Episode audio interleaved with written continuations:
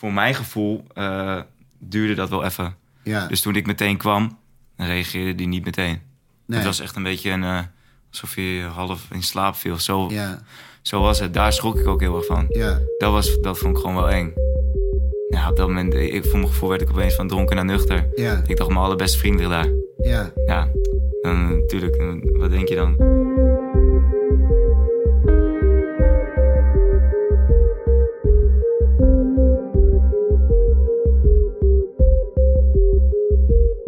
Opmerkingen uit de vorige aflevering hebben me aan het denken gezet. Wat gaat er in je hoofd om dat je mensen die bewusteloos op de grond liggen natrapt? En wat maakt je zo kwaad dat je binnen het uur een voor jou totaal onbekende groep aanvalt? Wat is er precies gebeurd in de vroege ochtend van 14 juli op El Arenal? Waarom worden er vluchten omgeboekt en een t-shirt verbrand? Wat is er besproken in de villa van de verdachte uit Hilversum in de uren na de vechtpartijen? Mijn naam is Joris Peters, misdaadverslaggever voor nu.nl. Je luistert naar Het Geheim van Mallorca, aflevering 3, De Villa.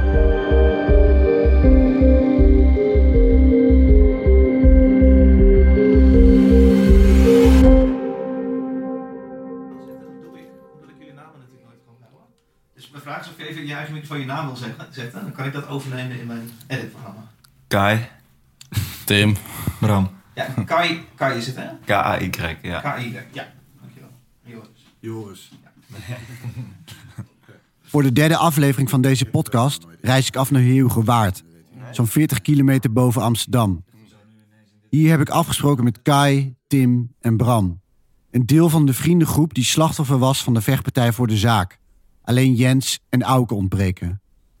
Als ik contact zoek met een groep jongens, reageren ze al snel positief. Ze besluiten dat het tijd is om het verhaal samen af te sluiten. Ja, en zo, zo, ja zoiets, eh, wij hebben dit ook niet gepland. Zoiets is om overkomen. en eh, weet je, we zijn ook in een eh, achtbaan beland. Ja, Vooral nou, de Tim en Bram die echt ook klap hebben gehad. ja. Ja, dat hebben wij ook niet gepland. De vriendengroep was een jaar geleden op vakantie op Mallorca als ze de verdachte uit Hilversum tegen het lijf lopen in de zaak. De kroeg van Ari uit de vorige aflevering. Ze worden, als slachtoffers van de eerste vechtpartij, onderdeel van het grote verhaal in Nederland. Nou ja, je hoort dingen wat, wat, misschien niet klopt, dat weet je Nee. niet. Wij zijn erbij geweest, dus Ja, ja. Misschien is het ook wel goed dat we dan voor het eerst even wat vertellen van onze kant. ja, Dat is wel belangrijk, denk ik. Ja, we, we dachten een super goede aanbieding te, gevonden te hebben. We hadden tien dagen al inclusive of zo. Dus Ja, tien dachten dat, zelfs. Ja, dat, dat dachten we, dat is wel leuk. Maar eh, het hotel en zo viel een beetje tegen. ja. Ja, Ja. maar dat is een klein beetje ook. Maar het was even goed wel. eh, Het viel tegen qua gehoorig. Nee, nou, maar qua het eten. Oh ja. Eten, je kon, het was all inclusive, maar je kon niet elk moment van de dag eten. Niet elk moment van de dag bier halen. Je moest betalen voor een bekertje. Zulke dingen allemaal. Ja, Eh, alletjes onder het gras. ja, Ja. Ja, ja. dat is wel een verrassing. Het hotel mag dan tegenvallen, maar de jongens maken er zelf een feestje van. Tijdens hun verblijf lijkt alles probleemloos te verlopen. Beetje zwemmen, ontspanning en uitgaan. En dat ging allemaal vlekkeloos. Ja. Het ging allemaal vlekkeloos. Ja, Ja. Tot, eh, tot de dertiende. We gingen eerst minigolf en eh, toen eh, hadden we een thema bedacht. Dat vind ik altijd leuk, één, eh, één avond van de vakantie. Ja, En die avond was het thema netjes, wit, wit blouseje. Dus we waren met z'n allen wit gekleed. ja. Ja, dat was een beetje die dag. Ja, en jij was jarig, Bart. Ja, we deden alsof hij jarig was. Ja, we hadden nog een beetje extra versierd. Dus we hadden gedaan dat ik om 12 uur eh, jarig was. Oké. Nou ja, In de hoop dat je eh, rondjes Ja. zou krijgen. Of, eh, nou ja die Nee, heb ik ook nee. wel eens gekregen hoor. Die heb ik gewoon gekregen. Maar ja, het was wel gewoon wel een beetje voorbereid. Maar ja, voor de rest was het eh, gewoon weer net zoals elke avond gewoon eh, lekker drinken en eh, feesten. ja. Ja, we moesten altijd een beetje op tijd aankomen, zodat we een tafel en stoel hadden. En, Oh eh, Nou, op een gegeven moment wist Arie het wel dat wij kwamen en Ja. had hij een tafeltje vrijgehouden. Ja, ja, precies. Want moest je dan in die tijd ook reserveren? nee, ja, ik deed niet aan reserveren. Oké. Ja, gewoon volgens school. Maar op een gegeven moment wist hij wel dat we kwamen. Dus, ja, dus dan hield hij altijd het tafeltje van tien hield hij vrij, zeg maar. Net als de jongens uit Hilversum behoort de groep uit de Heelgewaard tot de vaste klanten in de zaak. Nooit is er sprake geweest van onderlinge problemen, maar die nacht gebeurt dat wel om iets simpels als stoelen. Als deze van de tafel worden weggepakt, krijgen de jongens uit Heelgewaard te horen dat de groep uit Hilversum hierachter zit, een tafeltje verderop. De jongens gaan verhaal halen. En op een gegeven moment toen, eh, Het was een beetje eind van de avond of zo. Half twee. Zag ik Jens en uh, Auke met iemand praten. En eh, ik weet niet waar het over ging. Ik weet ook niet wie het was. En toen zag ik iemand een deal geven. Ja. En verder zag ik alleen dat hun eruit werden gegooid. Of eruit gegooid. Volgens mij Jens en die jongen. Ja. En Auke liep mee. Ja, precies. Nee, volgens mij was dat alles wat er op dat moment gebeurde. Ja. En toen bleven wij met z'n drieën volgens mij gewoon nog binnen. Ja, en toen was ik op een gegeven moment erachteraan gegaan. Want eh hun staat eh, volgens mij, of ze belden of ze appte, ik weet niet meer precies. Ja. Van, eh, ja, we komen niet meer naar, naar binnen. En eh, nou, dan kunnen we net zo goed weggaan of zo. Ja.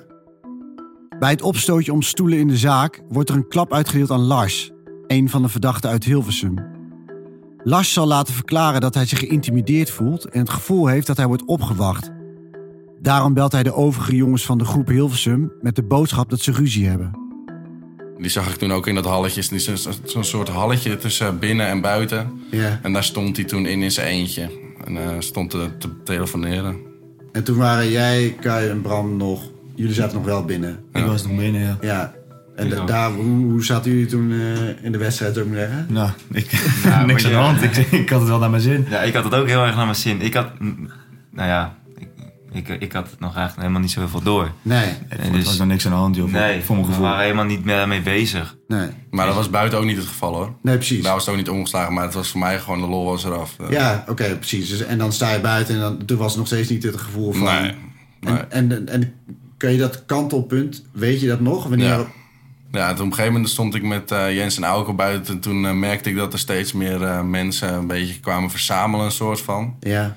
En toen begon ik op een gegeven moment ook een beetje, ja, de sfeer een beetje om, begon een beetje om te slaan of zo. Ja. En toen ben ik op een gegeven moment nog in het midden van zo'n groepje gestaan van, want er werd gediscussieerd ook met Jens en Auke, met die andere jongen.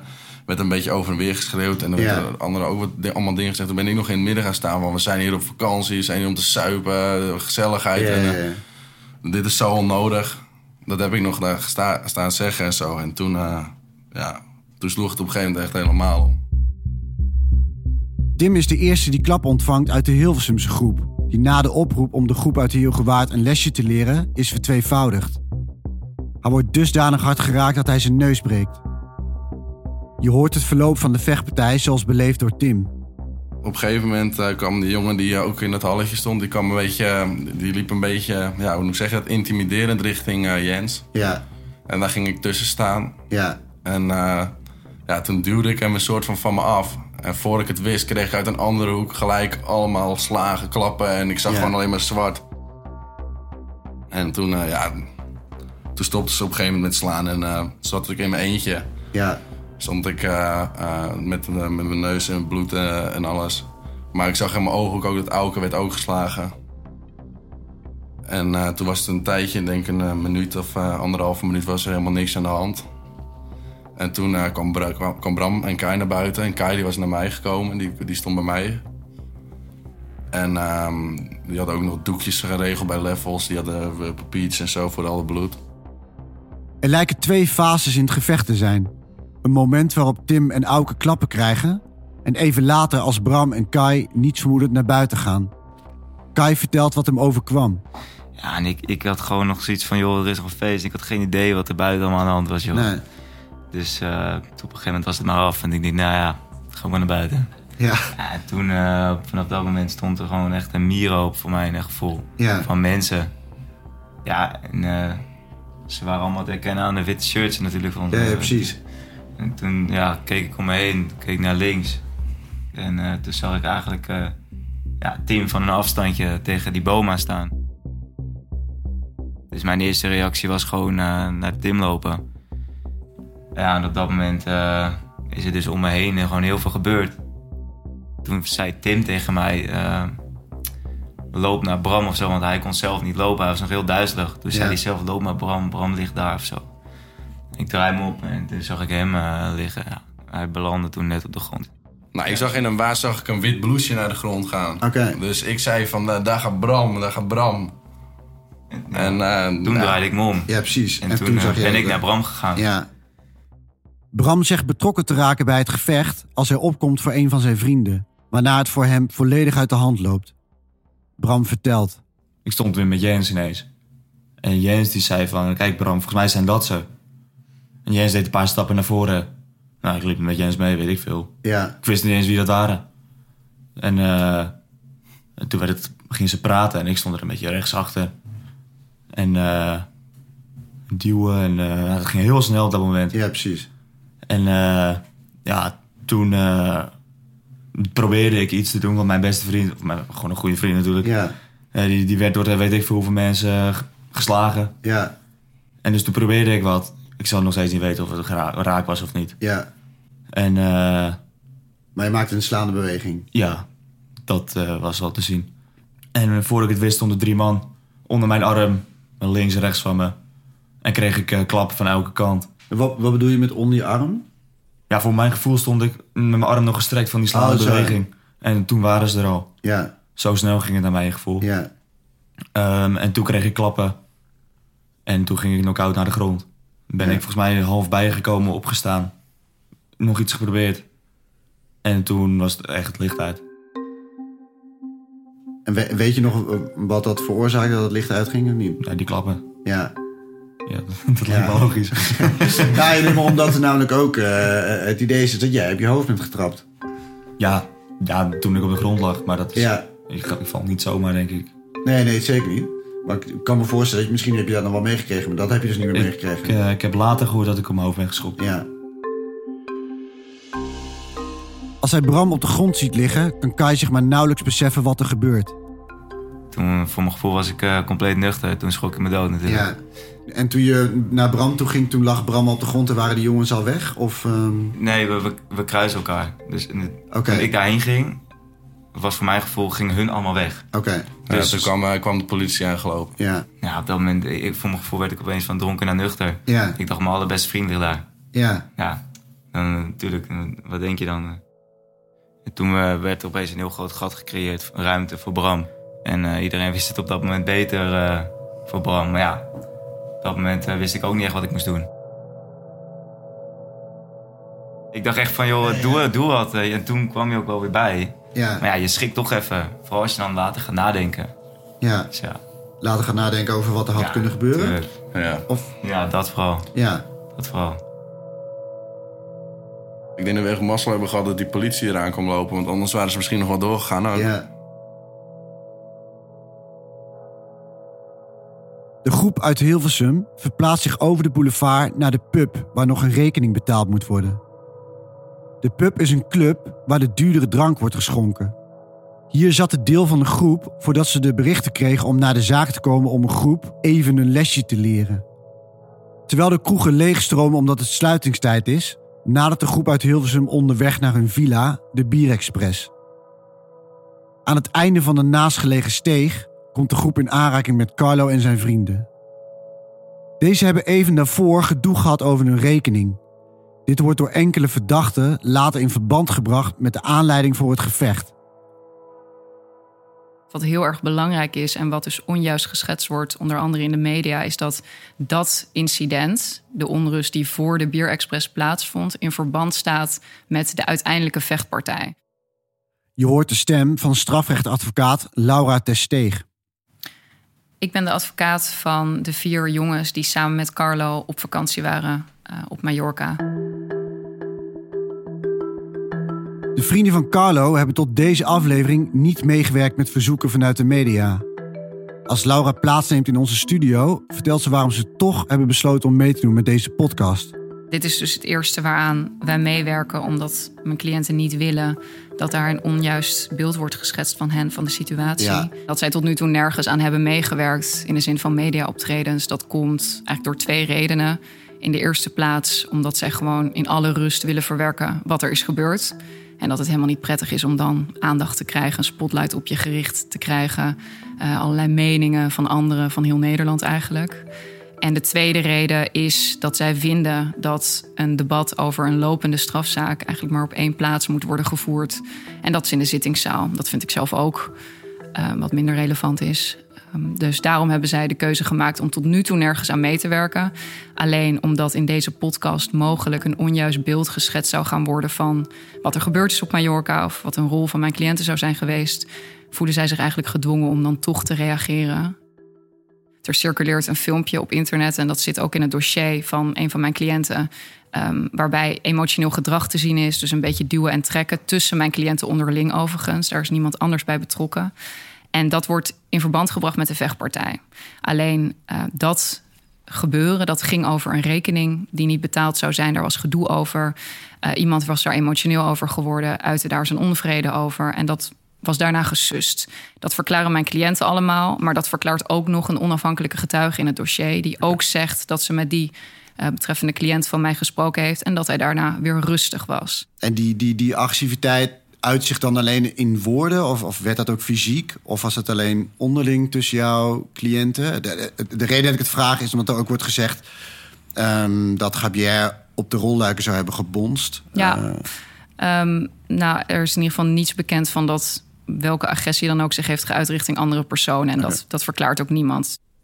En pas daarna besloten mijn cliënten naar huis te gaan. Liepen ze in de steeg en ontstond een vechtpartij. En mijn cliënten verklaren daarover dat dat echt tien minuten later was. Vanuit een aantal verdachten zal later gezegd worden dat er vanuit de groep vrienden rond Carlo een racistische opmerking zou zijn gemaakt, wat aanleiding zou zijn geweest voor het gevecht. Twee van mijn cliënten die kunnen zich eigenlijk bijna niets meer daarvan herinneren. Dat is omdat er één gewoon totaal knock-out is getrapt en pas weer bijkwam op straat. Ehm, en de ander is ook naar de grond eh, gewerkt door de verdachte. Die herinnert zich eigenlijk alleen maar dat hij naar de grond ging. Er zes man om hem heen stond. Hij dacht, dit gaat helemaal mis. Ik hou mijn handen voor mijn hoofd om me te beschermen. En ik moet maken dat ik wegkom. Dat is hem gelukkig daarna gelukt. Um, dus die, die twee personen herinneren zich eigenlijk niets van wat er daarvoor is gebeurd. Um, en de andere twee die herinneren zich nog dat ze door een smalle steeg liepen, dat er een grote groep aankwam met een agressieve houding. En dat er toen heel snel klappen vielen en dat ze dachten, we moeten hier weg. En dat is ze gelukkig. Ze hebben wel een paar klappen gehad, allebei. Maar dat is ze gelukkig gelukt. Ja. Dus van een woordenwisseling daar of iets kunnen zij zich niets herinneren. Alleen maar dat het een smalle steeg was en dat men elkaar ging passeren en dat het toen misging. Maar zij kunnen zichzelf geen enkele aanleiding herinneren voor wat het startschot was, zou ik maar zeggen, voor de klappen die zijn uitgedeeld en zo. Nee. Nee. Het was ja, smal, het was een grote groep. Ze gingen elkaar passeren en toen vielen er klappen. Ja, want er wordt namelijk ook gezegd dat een van de jongens dat die zou hebben gespuugd. Ja, Ja, daarbij is belangrijk om te vermelden dat dat vanuit een groep van de verdachten komt. Het zijn een eh, paar verdachten die dat verklaren, dat ze dat ook echt gezien hebben. En één andere getuige die ook uit de hoek van de verdachte komt, namelijk iemand die een relatie Ja. had heeft met een van de verdachten. Eh, voor de rest is er niemand die dat verklaart. En mijn cliënten hebben daar niets over gezegd. En eenmaal daarmee geconfronteerd, hebben ze ook allemaal authentiek verklaard. Dit zegt mij niets. En ik kan het me ook echt niet voorstellen dat iemand in onze gro- groep dat gedaan zou hebben. Het staat ook niet op beeld, dus er is geen ander objectief bewijs, noem ik het maar even. Maar goed, het wordt verklaard. Mijn cliënten zeggen dat is niet waar, we herkennen ons daar niet in. En daarbij vind ik het ook echt belangrijk om te zeggen, want er wordt nu aandacht aan gegeven, dat snap ik. ja. Aan de andere kant, die aanleiding ja, is iets kleins. Wat er daarna gebeurd is en wat, waarvan we ook gewoon kraakheldere beelden hebben, is dat mijn cliënten op ja, ongelooflijk ernstige wijze in elkaar worden geslagen. Ja. Ehm, wat er ook vooraf aan zou zijn gegaan, rechtvaardigt volgens mij in geen geval dat enorme geweld. Dus wat er ook van waar zij, vind ik het eigenlijk niet zo interessant. Nee, precies. Mijn cliënten zijn ook geen vechtersbazen. Het zijn allemaal hardwerkende jongens. Ja. Die daar helemaal niet uit waren op welke vechtpartij of opstootje dan ook. Ze waren gewoon op weg naar huis. Na Ja. hun eerste uitgaansavond op vakantie. Hun eerste uitgaansavond op vakantie. Eentje die eindigt met klappen en dusdanig geweld dat Carlo Heuvelman uiteindelijk komt te overlijden. Er zijn vele getuigenverklaringen over wat er is gebeurd voor de Bierexpress, maar de verhalen lopen uiteen. Kern van het verhaal is dat Carlo door een klap op de grond is geraakt en daarna op zijn hoofd is getrapt. Maar door wie is bijna niemand zeker van. Het ging allemaal zo snel. Ook de vrienden van Carlo weten het niet. Op de beelden van Gistel is te zien dat Gabier bewusteloos op de grond ligt. Saniel lijkt zich klaar te maken om hem een trap te geven. Op dat moment ligt Carlo even verderop al roerloos op de straat.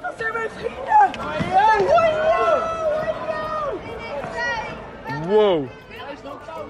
What the fuck, maat? Hij had bewusteloos op de grond gelegen en toen hij bewusteloos was, uh, hebben ze hem diverse malen geschopt. Uh, dat is uh, het verhaal wat, wat wij tot ons kregen. De vader van Carlo Heuvelman doet in opsporing verzocht zijn verhaal over wat hij te horen heeft gekregen. We hebben het hier niet over een ongeluk. we hebben het niet over een slepende, erge ziekte. We hebben het over, in mijn ogen, echt zinloos geweld.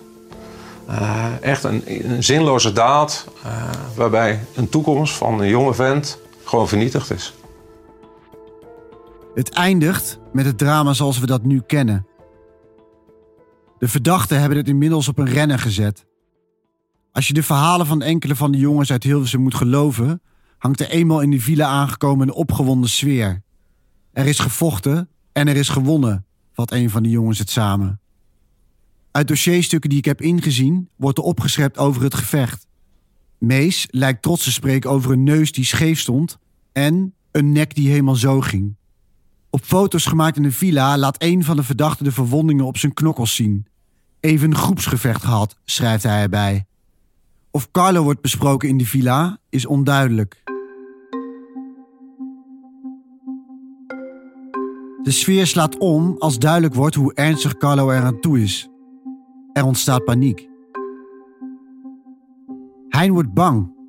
Hij geeft toe Gabier te hebben geschopt terwijl hij op de grond lag, maar weet niet zeker of dit de man is die in kritieke toestand verkeert.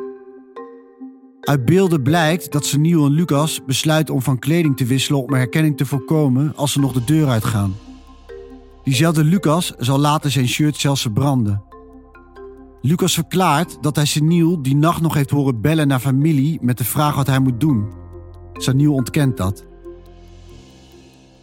Als ze wakker worden, nemen ze in eerste instantie het besluit om naar een ander strand te gaan dan waar ze gebruikelijk zonnen. Een van de vriendinnen van de jongens, die die middag op de boulevard loopt, stuurt een bericht nadat ze de politie daar bezig ziet. Mees, nu, kom niet naar de boulevard. Kom niet deze kant op. Niemand van jullie. Ze zijn overal naar jullie op zoek. Overal. Die middag besluiten de jongens te vluchten. In een van de appjes die verdachte Heini later over verstuurt, kan hij het niet duidelijker verwoorden. We zijn gevlucht voor die shit. Vliegtickets worden omgeboekt en een aantal besluit diezelfde nacht nog in andere hotels te overnachten. Opvallend in de dagen die erop volgen zijn zoektermen die de politie later op de telefoon van Mees vindt: moord bij ongeluk en advocaat Mallorca. Als een van de vriendinnen later een verklaring aflegt, wordt ze geïntimideerd. Op de dag dat Mees wordt gearresteerd, vliegt er namelijk een fles tegen het raam van haar ouderlijk huis. Op basis van beelden en telefoongesprekken vermoedt de politie dat een van de verdachten van het geweld in Mallorca hierbij betrokken is. Ook in de weken erna wordt stilzwijgen op het hart gedrukt. In onderlinge verstuurde appjes die door de politie zijn gevonden staat: zwijgrecht. Nooit mogen zij weten.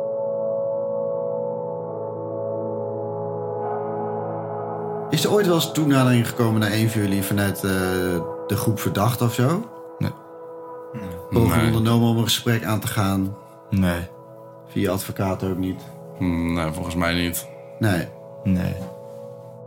De vriendengroep uit Heelgewaard van het eerste gevecht in de zaak doen aangifte en zien de verdachte pas weer tijdens de eerste inleidende zitting, drie maanden na de gebeurtenissen. Ik wist eerlijk gezegd niet eens hoe ze eruit zagen tot, ik, tot de zitting. Ja. Ik ook niet. En het, het deed dat er nog wat als je ze dan niet ziet zitten? Of, ehm, Dan zagen ze niet echt goed zitten Nee, dat natuurlijk. wel oh ja. Maar dat deed niet echt per se Het iets. was meer eh, dat we in dezelfde kamer zaten als de vrienden van Carlo. ja. En dat vond ik op zich wel fijn. Ja. Dat we, dat we de andere kant ook eh, hebben gezien. Ik vond het heel heftig. Ja, om ook. te zien. Nou, wetende dat, dat wij zeg maar compleet zijn Ja. en hun niet. Ja. Dat vond ik heftig. Ja. Ja.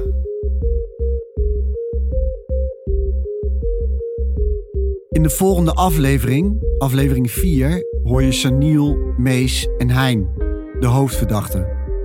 We nemen je mee de rechtszaal in, waar het proces van start gaat tegen de verdachten van de vechtpartijen in de nacht van 13 op 14 juli op Mallorca.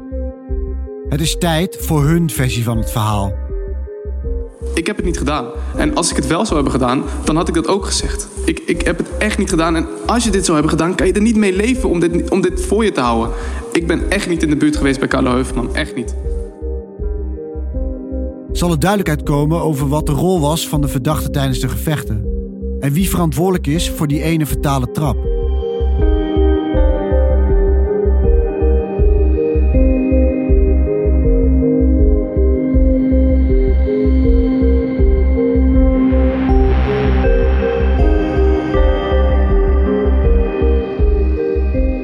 Geheim van Mallorca is een podcast van nu.nl en wordt geproduceerd door David Achter de Molen van het podcastkantoor. Presentatie van de podcast en het onderzoek naar de dood van Carlo Heuvelman wordt gedaan door mij, Joris Peters. De eindredactie is in handen van Frank Brinkhuis. Vind je dit een interessant verhaal? Abonneer je dan gratis op Spotify of jouw podcast-app naar keuze. Laat er vooral ook even een review achter, zodat meer mensen de podcast weten te vinden. Heb je tips of vragen over het onderzoek? Stuur dan vooral even een mailtje naar joris.nu.nl.